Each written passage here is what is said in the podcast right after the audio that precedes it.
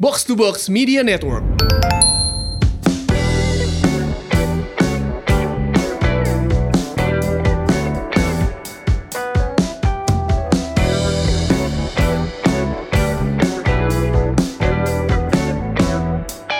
Hai Semurians, welcome back. Ini dia podcast Semur, Sehat Makmur. Podcast yang mengajak kamu untuk sehat jasmani dan makmur finansial bersama saya Ligwina Hananto dan partner saya, Hey Hey. Halo, saya FX Mario. Dan hari ini kita mau bahas apa, Mar? Kita mi- minggu lalu kita udah ngomongin profesi ya, ngomongin profesi. Kita sama-sama punya beberapa profesi sekaligus dalam hidup eh, karena banyak profesi, banyak rezeki ya. Hahaha. Eh minggu lalu tuh kita kan tamunya eh, Riana, Riana. Bismarak ya. Riana tuh sebenarnya backgroundnya hospitality industry, dia kuliah Yes. pari- eh, pariwisata kan. Iya, iya. Terus eh, kerjanya juga lama di perhotelan, Iya. terus eh, waktu dia banting setir eh, ngerjain fashion, masih jalan Iya. fashionnya sekarang, Masih tapi jalan. terus dia sekarang ngajar Pound Pro sama eh, Zumba. Nah Ah, ternyata itu ada sertifikasinya minggu lalu kalau Iya. kalian dengerin gue tuh ketemu sama Riana di Kuala Lumpur sampai pergi ke Malaysia loh waktu itu belum ada di Indonesia. iya, iya. Dia ke KL eh, dan ketemu sama gue di sana. Lo ngapain di sini? Gue ngajar waktu itu di sana. Biasa ngajar finansial lah gue.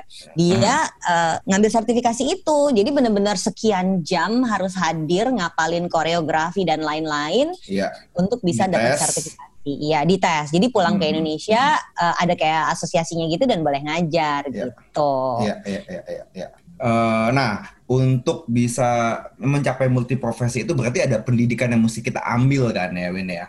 Ya, istilahnya lu invest dulu ke diri lu ya. Ya, kita belajar dulu, baru kita bisa capable untuk menjalani profesi itu. Mungkin hari ini kita ngebahas pendidikannya gimana sih buat bisa mencapai situ gitu ya. Jadi Karena ada duitnya ya itu. kita ngomongin pendidikannya. Yes. Kan ada duitnya. Iya. Lu, lu sendiri, lu sendiri backgroundnya apa Mar? Dari dari kuliah dulu, dari kuliah lu Dari gimana? kuliah deh. Kuliah S1 gue pajak. Oke, baik. Perpajakan. itu karena saya tidak pede masuk akut apa milih akuntansi FEUI lebih tinggi passing grade-nya gitu kan. Kayaknya pajak nih mirip-mirip dikit lah di fisik ya udahlah gue ambil. Eh masuk ya udah. Ternyata Terus? begitu lulus eh, sempet di konsultan pajak kok nggak happy? Kayak aduh ini bukan gua banget gitu gua ke kantor mesti pakai dasi. Aduh nggak deh pakai kemeja tangan panjang pakai dasi gua nggak mau gua nggak mau gitu.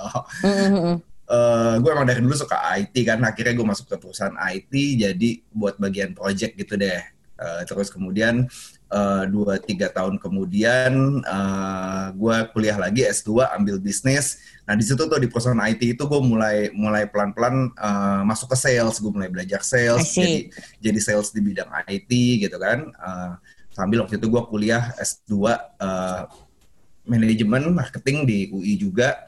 Lalu kemudian baru eh, di situ apa sales di IT consultant itu lima tahun kemudian gue bergabung dengan KM Financial sebagai Oh, sales hey. juga jadi itu apa ya jadi pendidikan gue eh, terus ya dari QM gue baru keluar bikin gym sendiri eh, Iya ya, sambil gue inget lu pamit mengundurkan diri dari kantor Iya. gue tuh lu mau bikin gym di Cibubur kan Yes, waktu itu yes, kan. Yes, yes, yes.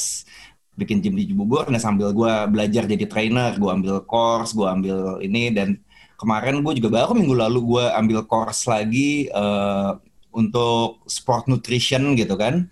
Eh udah ya lulus sih sport apa akhirnya lulus dengan nilai lumayan bagus cie. Gue senang eh, di sport nutrition ya udah itu jadi itu. Jadi mungkin yang gue lakukan saat ini nggak berhubungan dengan pendidikan formal gue. Lebih banyak Ya, ya, pendidikan info- informal gitu kan.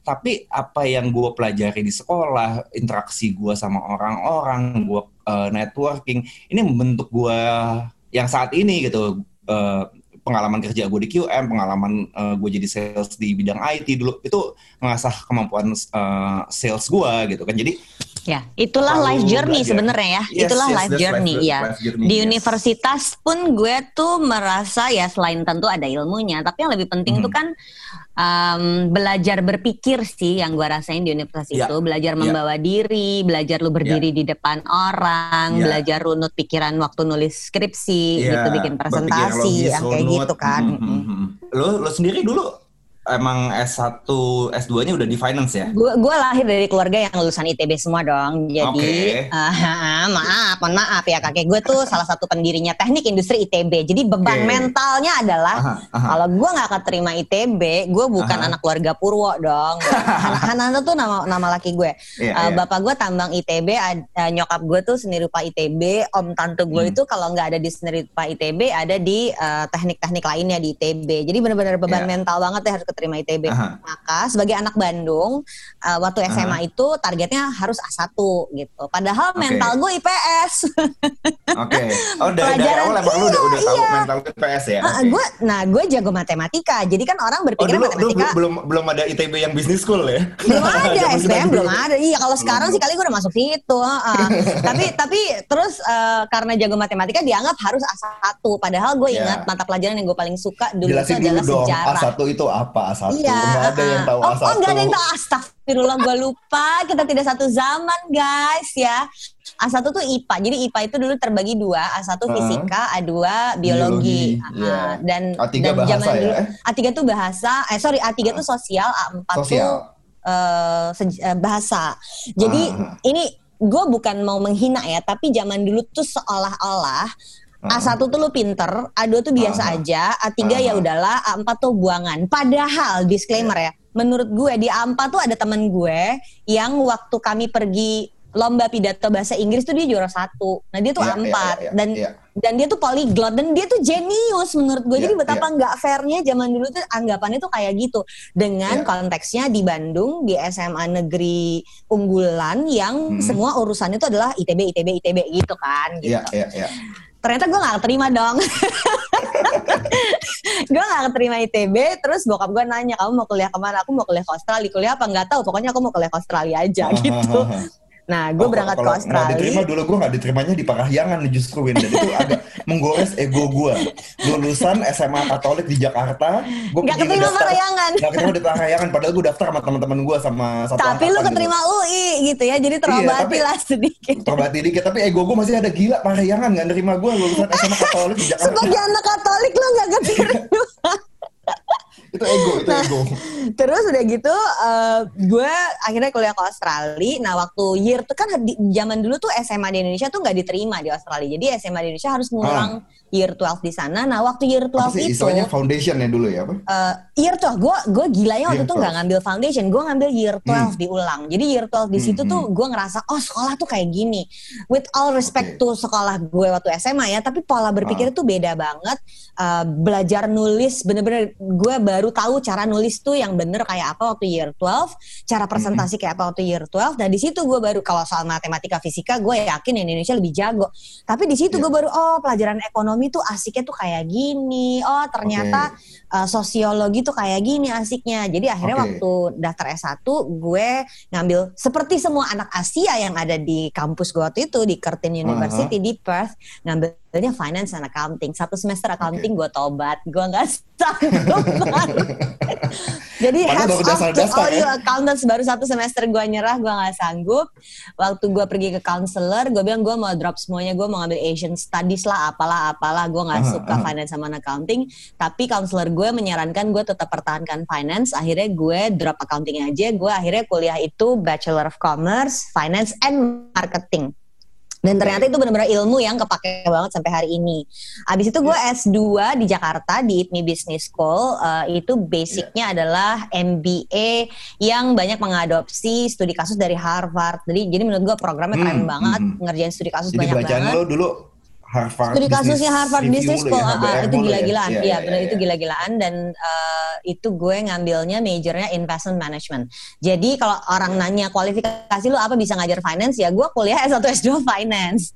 Iya, Nah, iya, iya, iya. waktu gue bilang sama laki gue zaman dulu itu gue kan belum jadi financial trainer ya gue jadi financial planner gue Hmm, bilang sama hmm. laki gue pengen jadi financial Hmm. planner laki gue bilang ini nggak bisa otodidak lo nggak bisa main bilang ke seluruh dunia financial planner otodidak lo harus kuliah lagi makanya gue S2 Ah, dari situ gue lihat ada sertifikasi apa aja nah you name it I've gone through most of them mungkin nggak semua gue yakin ada yang gue belum ya tapi gue udah pernah ikut course-nya FPSB gue udah pernah ikut course-nya Hmm. IARFC gue pernah ikut course-nya eh, namanya CWM Certified Wealth Wealth Wealth Manager Management. Ah, ah, wealth management. Oh, Nah, Eh, nggak semuanya gue sampai dapat gelar ya. Jadi beberapa gue ikut course-nya aja. Eh, tapi jadinya gue tahu sertifikasi itu penting banget eh, courses-courses itu penting banget dan jadi punya wawasan. Menariknya Hmm. adalah um, semua courses itu adalah background. Jadi gue pun bisa bilang orang-orang yang sertifikasi belum tentu kualitasnya sebagus mereka yang sudah praktik. Kalau di dunia finance gue berani bilang kayak gitu. So get best of Ah. both worlds. You lu lu perlu uh, sertifikasinya, coursesnya, tapi lu juga perlu pengalaman jam terbangnya. Karena si jam terbang ini nggak bisa bohong.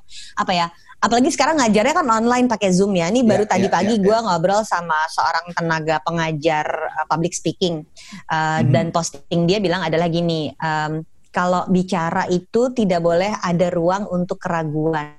Itu gue suka banget kata-kata itu. Ketika lu ngajar online, bahkan ketika lu uh, jadi coach uh, olahraga, Iya, iya. lu nggak iya, boleh iya. ada ruang buat keraguan itu Iya, dan iya, keraguan itu terjadi ketika ilmu lu nggak nyampe gitu loh keraguan itu terjadi ketika jam terbang lu masih Pengalaman kurang cukup. iya Hmm. persis jadi lu mau Hmm. banyak gelar mau banyak sertifikasi kalau lu nggak orang yang praktek di bidangnya sulit banget untuk tetap mempertahankan tidak ada ruang untuk keraguan menurut Iya, gua iya, kayak gitu Ini menarik sih, gue juga kemarin yang ikut gue ikut uh, sport nutrition course gitu kan, nilai gue itu bagus. itu Terus- interesting banget temanya deh Iya iya. Jadi eh, kebetulan oh ada satu pertanyaan yang pertanyaannya agak teknikal eh, dan gue bisa jawab gitu. Terus si pengujinya itu bilang, nah ini gue percaya lo emang emang experience gitu. Terus gue mikir, iya ya gue belajar soal eh, sport nutrition walaupun gue nggak pernah ambil course-nya, kan gue baca-baca terus nih dari dulu nih dari 12 Mm-mm. tahun lalu ketika gue masih jadi lu familiar kan Iya, ketika gue masih gemuk, gue, gue mulai baca-baca segala macam.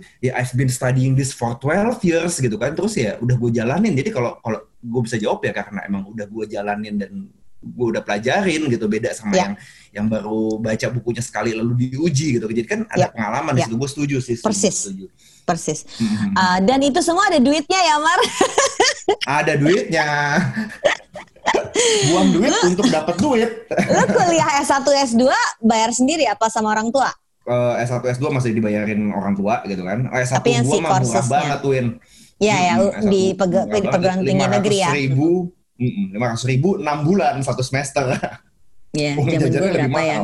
Gue ke Australia Iya tuh mungkin sekitar 1000 sampai 2000 Aussie dollar satu semester. Uh, Iya, biaya iya. hidup waktu itu 1200 masih bisa. Mungkin sekarang udah nggak mungkin sekarang udah butuh 2500 uh, Aussie dollar. Ah, ah. Uh, S2 gue nggak terlalu mahal. S2 gue itu di masa itu lagi ada program khusus, jadi sekitar 20 juta. Uh, itu tahun 2003. Jadi S2 itu gue. itu pun bokap gue bersedia bayarin waktu walaupun gue udah Mhm. bini orang ya. bokap gue yang Iya, iya, malah iya, dia yang bawain iya. brosurnya. Kamu mau kuliah S2 lagi nggak? Gue langsung lompat. Mau. Iya. Jangan nolak rezekinya, guys. gue juga jujur S2 gue dibayarin bokap gitu kan. Bokap gue tuh masih punya apa masih pengen anak-anaknya punya pendidikan lebih tinggi dari dia. Ya, Jadi ya, ya. eh, bokap gue S1 eh, dia bilang gue pengen anak-anak gue S2 gitu deh. Ya udah lu, lu mau S2 lu cari aja gue bayarin ya udah jadi gue dibayarin sama bokap. Emang Ya, gue gue gue agak berat standarnya ambil gitu. karena Hmm, kakek gue S2-nya beasiswa ke Stanford. ya, ya. di tahun 50-an. Jadi kita agak ada agak keder gitu kalau mesti melebihi dia. Cuman ada Iya. satu sepupu gua yang S3. Yang lainnya tuh nyerah nggak sanggup harus melebihi Iya, dia. Kalau gue bilang ya S2 tuh agak gamp lebih gampang daripada S1 sebenarnya. S2 gua ngerasanya praktikal banget ya nggak sih? Iya, eh, makanya gue juga berasa praktikal banget dan itu kayak oh ini kayak apa yang gue belajarin di S1 dipakainya begini loh gitu. Nah kalau kan Nah, kalau S3 iya, tapi- persis. Iya kan? Kayaknya riset ya kalau S3 ya. Jadi Ya, beban Itu hidupnya kayak lebih berat level. kalau S3. Heeh, another level. Nanti kita kalau Iya, ya, iya. satu orang temen gue yang S3 sampai selesai tuh yang gue kenal cuma Rindra doang tuh kayaknya. iya, Pak Bos. iya. Pak Dan dia bosnya, menggunakan bos- bakatnya bos. itu untuk stand up comedy. Sementara Oh, gue I iya? don't care di S3. Gue penggemar berat stand up comedy dia yang terlarang itu. yang nggak bisa ditampilkan di yang nggak media. mungkin tampil digital. Iya, iya, iya, iya. iya. Iya ya, nggak kita nggak nunjuk-nunjuk harus S1, harus S2, S3, Enggak, tapi enggak, enggak. kita sama kami sama-sama merasakan manfaatnya S1, S2 itu kayak apa. Ya, Uh, sepakat ya Mar, ya. S1 tuh membantu kita mm, menyusun Pola runut berpikir. berpikir. Mm-mm. Mm-mm. S2 itu bisa mempraktikkan yang Ya, lebih praktisnya ilmu yang dari dapat. ilmunya. Yes. Persis, persis. Tapi si sertifikasi ini mm, meaningnya apa buat lo? Gua di satu sisi buat kayak justifikasi juga sih Win. Ah ya Gua- persis. gua Jadi kalau itu justifikasi. justifikasi. Sama sama. Iya. Gue udah pernah gitu. bahwa oke gue udah pernah di industri ini gue capable melakukan ini buktinya apa buktinya ini gitu kan Eh, Ya. Kalau cuma ngomong bukti lu apa ya gue udah berpengalaman sekian tahun orang bisa nggak nggak percaya gitu kan walaupun bisa Harus pihak praktek. ketiga yang mengkonfirmasi ilmu lu itu Yes, benar kan? yes, Iya persis. Yes, yes, yes. Itu kayak eh, kalau pendidikan informal, jadi gue ngeliatnya buat justifikasi profesi lu gitu. Lu seberapa kompetensi dalam menjalankan ini gitu. Berapa uang yang harus keluar untuk sertifikasi? Karena kan banyak ya sertifikasi itu dan Yes. gue tuh Yes. merasa, gue tuh merasa eh, kalau gue udah sampai ke level yang gini, sertifikasinya udah ya, eh, Mhm. kursusnya udah, jadi nggak semuanya sampai sertifikat. Sertifikasi dan kursusnya udah, habis Mhm. itu gue merasa gue butuh ngomong di conference. Oh. itu kayak iya, iya. itu kayak additional satu level beda lagi tuh Mar. Jadi ketika gue Iya, iya, akhirnya iya, iya. tahun berapa ya? Gue 2013 itu diundang ngomong ke sebuah konferensi Financial Education Summit di Hong Kong. Heeh. Sebelumnya mereka bikin di Jakarta, gue diundang jadi chairperson. Jadi kayak Mhm. moderator besarnya gitu. Nah, pas 2003 Mhm, mhm. eh, mereka ngajakin 2013 di Hong Kong mau nggak ngomong ceritain pengalaman lu ngajar sama buruh di Indonesia gitu.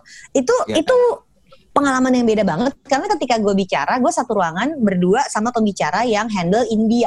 Mhm. Jadi eh, biasa kan kalau conference tuh ada ada ballroom gede, udah Ada gitu panel, kita uh, panel udah gitu di split kan breakout room gitu. Nah Ya. pas di breakout room gue sama yang panelis dari India berdua gue sharing Indonesia dia sharing India. Oke udah selesai, ayo kita kembali ke ballroom. Begitu sampai ke ballroom ada enam orang pembicara dari China.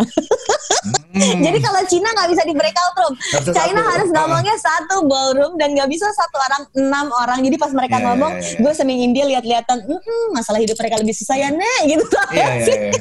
Sampai kayak gitu dan susah, dan- orangnya lebih banyak. Ah, dan itu jadi beda banget eh, eh, apa namanya pan- cara pandangnya itu yang levelnya Ya. tuh beda banget satu lagi adalah ikut fellowship jadi gue ikut fellowship eh, Eisenhower Fellowship yang gue harusnya berangkat Mhm. bulan April 2020 pending nih ke tahun depan dan gue nggak tahu tahun depan udah bisa berangkat apa enggak tapi kerasa banget has- hasilnya kalau di di fellowship sama di conference itu network jadi dari Oh, Hong iya. Kong gue ketemu network profesor ahli edukasi finansial di Singapura.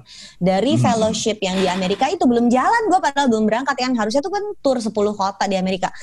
Belum Ya. jalan aja uh, conference yang dibikin reguler sama si fellowship itu karena kita nggak bisa berangkat kita dibikinin conference uh, kecil online itu bener-bener worldwide mar bener-bener ngomong sama orang Ya, dari ya. Kolombia ngobrol sama orang dari Perancis ngobrol sama orang dari Nigeria Mhm. dunia yang nggak terbayangkan bakal gue kerjain ketika gue niat masuk industri financial planning itu dalam perjalanan uh, dari Jak dari Cibubur ke Jakarta di mobil kena macet. gue ingat itu momennya. jadi Ternyata jadi ternyata beda gitu ya. beda. Ah, ah, ah, ah. Nah si fellowship sama conference kan cerita yang beda ya, tapi si Ya. sertifikasi dan courses-courses itu berapaan sih kalau di dunia olahraga? Kalau di dunia olahraga tuh variasi banget lah. Eh, biasanya kita apa ada yang per modul, ada yang eh, lengkap gitu kan. Eh, rata-rata sih di Indonesia tuh satu course itu 3 juta sampai 4 juta. Kalau di luar negeri bisa ada yang Hmm. sampai 1000 US kalau yang punyanya CrossFit tuh ya. CrossFit punya 1000 US eh, itu sama satu dunia Ya. dia bikin 1000 US. Eh, tergantung aja makanya lu minatnya di mana. Kalau kalau gue gue eh, emang emang gue tertarik sama nutrition sama sama di pelatihannya kan. Jadi gue akan akan ambil banyak di coaching sama di sama di nutrition. Kalau kalau gue mungkin nggak terlalu eh, tertarik sama bidang rehab misalnya buat yang yang apa buat kalau cedera segala macam mungkin jadi gue akan. Nah gue juga mesti sadar diri karena gue nggak pernah pelatihan Ya. rehab. Gue nggak boleh sosokan nih nanti kalau ada orang cedera gue ngasih tahu lu mesti gini-gini oke yang yang dasarnya ada gitu kan tapi kalau udah lebih detail lagi gue akan saranin ke yang lebih tahu dong yang emang bidangnya eh, rehab cedera olahraga gitu Iya ya, itu dunia yang beda lagi ya. Uh, Iya. Kalau di finance tuh zaman dulu gua Mhm. ikut coursesnya FPSB belum pakai ujian ya. Jadi ada bedanya kan? Ya, ya. Ambil course sama ujian. Ujian tuh Iya. sekarang tadi gua cek di websitenya FPSB itu untuk ujian CFP tuh harganya sekitar antara 500 ribu sampai 1,4 juta. Kalau nggak salah nih silakan kalian kalau mau search sendiri. Itu Tapi zaman ujiannya doang. Zaman gue dulu coursesnya itu empat Hmm. modul besar 12 juta. Gue ambil ambil fast track waktu itu karena gue pikir gue gak ada Ya, waktunya ya, kalau ya. harus satu-satu. Nah eh, Mhm. kalau yang lain misalnya di IARFC itu ada yang gue lihat kemarin sempat gue lihat ada pengumumannya eh, online ya sekarang kelasnya itu tiga setengah juta untuk satu Hmm. modul satu modul. Apalagi ya. eh, jadi jadi kursus-kursus kayak gini tuh memang ada harganya, ilmunya pasti dapet eh, dan itu serius ya kalau kalau memang mau ada di dunia finance menurut gue itu harus dikerjain. Em, tapi bisa juga kalau di tempat gue eh, kursus jadi bukan sertifikasi ini kalau di Hmm, tempat hmm, hmm. gue jadinya kelas-kelas ringan sederhana eh, untuk praktik sendiri jadi bedain kalau lu Hmm. mau jadi pelaku industri sama lu mau Profesional, praktikin sendiri ya heeh. Ya, ya, ya. Em, iya kan kayak kalau gue ngambil kelas di tempat Mario eh, Hmm. itu range-nya berapa Mar untuk gue olahraga sama Mario Untuk olahraga sama gue, gue jual kelas Ah. misalnya per, per bulan 900 ribu gitu, yang kayak gitu. ya itu Iya. itu unlimited Ya, unlimited. PT enggak Enggak, enggak, itu yang grup kelas yang eh, Itu yang grup kelas yang biasa, biasanya Mas Dondi suka ikut Ah, gitu yang kan. biasanya lagi gue ikut ah. Ah, Nah, ah, ah, ah. beda kan sama lu kursus buat elunya kan. Iya, beda, beda. nah, beda, nah beda, kayak beda. gitu nih bedainnya guys. Di tempat gue juga gitu. Kalau lu mau ngambil eh, kelas-kelas eh, online di KM Financial itu benar-benar dari 99.000 sampai 250.000 Ya. satu kelas untuk durasi Itu untuk satu lu jam. pakai sendiri kan? Itu untuk pakai sendiri. Itu Jadi yang dulu gue ambil sebelum gue join ke kantor lo itu kan Win ya sebenarnya kan modulnya kan? Di modulnya dipecah tapi ah, ah. yang yang di hotel jadi weekend itu dulu inget nggak? zaman dulu zaman dulu tuh gue mencoba membuatnya kan namanya QM Planning QMPC, Certification. yes, yes. Kita ngeluarin sertifikasi kan dulu kan. Jadi kalau lu Ah. udah belajar ini lu tuh udah bisa jadi financial planner. Tapi akhirnya ternyata memang audience gue itu tidak mau jadi financial planner. Audience gue tuh Iya. pengen belajar finance-nya aja. Ya, Jadi akhirnya gue pikir nggak perlu sendiri. gue nggak perlu gue bersaing sama modul-modul sertifikasi yang bagus-bagus dan mahal-mahal itu. Itu tentu saja dilakukan kalau memang udah mau serius ada sebagai penggiat industri gitu. Tapi kalau gue Iya, cuma iya. mau belajar sendiri kali gitu. Dan orang nggak sanggup kan kalau sekarang eh, dulu tuh gue respect banget ya orang. Lu kan ikut kelas yang bener-bener satu weekend gitu kan Mar? Mm, mm, mm. Iya Sabtu Minggu di hotel. Ah, eh, orang tuh dari ikut belajar satu- teori, hitungan Mm-mm. sampai Sampai prakteknya praktek. di Nah, di apa di, di diliatin sama senior senior waktu itu kan.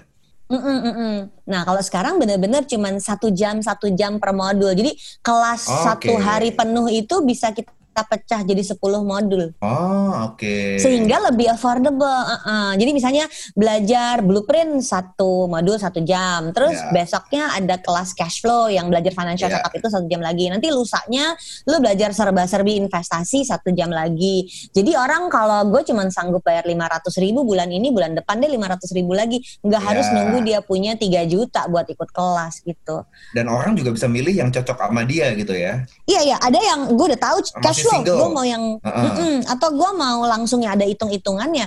Beda Ya, ya, dong ya. kalau dia mau langsung ada hitung-hitungannya. Dengan cara Ya. begitu jadinya eh, apa ya? Kita bisa reach out orang lebih banyak. Lebih banyak. Em, Yes, yes. Bulan ini kita nembus 10.000 ribu loh alumni. Wow. Gokil kan bisa kayak gitu. Tunggu nembus Wow. sejuta ya. Itu online doang ya. Online dong, Online ya online, bener-bener nggak ada Iya, iya, tatap iya. muka, full online. Eh, jadinya menurut gue ini membantu kalau mau em, melanggengkan diri di dunia mengajar ya, em, mesti nyiapin diri sih. Eh, gue nyeritain itu untuk menunjukkan ada opportunity-nya kayak, mm, jadi dengan lu invest ke diri lu sendiri, bukan invest finansial ya, ini kata Iya, iya. kata-kata aja yang suka dipakai. Dengan lu invest ke diri lu sendiri, eh, lu belajar di kuliah formal plus ikut courses, eh, sebenarnya itu membuka pintu untuk bisa menghasilkan uang. Sebenarnya itu yang menurut gue kita mesti siapkan. Mhm. Gue juga setuju eh, masalah invest ke diri sendiri itu kayak lo bilang tadi ikut, ikut apa ikut fellowship segala macem. Gue gue juga berasa benefitnya gitu. Jadi yang di course gue kemarin kan gue ikut di Asosiasi Pelatih Kebugaran Indonesia. Itu tuh eh, ada forumnya juga. Kita juga aktif ngobrol di situ. Terus gue berasa iya ya selain dapat ilmunya kita ngomong hal-hal praktikal nih kan masalahnya di fitness itu bukan bukan masalah benar atau salah doang gitu kan kadang-kadang Mhm. apa yang works buat orang gitu, apa yang cocok buat klien lu gitu kan lebih lebih Behavior ya sebenarnya. Jadi menurut gue Iya. nextnya tuh kita mesti ada belajar behaviornya. Jadi Iya. kayak behavior in sport, behavior in uh, Yeah. nutrition, behavior in finance itu next stage-nya harusnya itu ya Mar ya. Benar-benar karena lu kan mesti, eh, nah itu kan bisa kita dapat kadang-kadang dari ngobrol. Eh, gue punya pengalaman klien gue begini nih. eh, lu ada solusinya? Oh, gue pernah nih, gue pernah tahu solusinya. Coba begini-begini. Oh ya, it works gitu kan. Itu kan bukan sesuatu yang lu pelajarin di bangku kuliah, tapi karena lu networking, lu ada di asosiasi, lu bisa ngobrol, bisa dapetin hal-hal kayak gitu gitu kan. Iya, Eh, iya. Gue selalu mengagumi orang yang bersedia untuk menyediakan waktunya untuk mengajar, uh, Hmm, sehingga gue hmm. tuh percaya mengajar itu harus diganjar dengan uang yang pantas. Jadi kalau ada iya, orang iya, yang iya. kelasnya gratis dong, oke sekali-sekali boleh gratis, tapi kalau terus-terusan Iya. itu orang kan juga harus bayar cicilan KPR, careless gitu Iya, ya, iya, julid iya. langsung gue.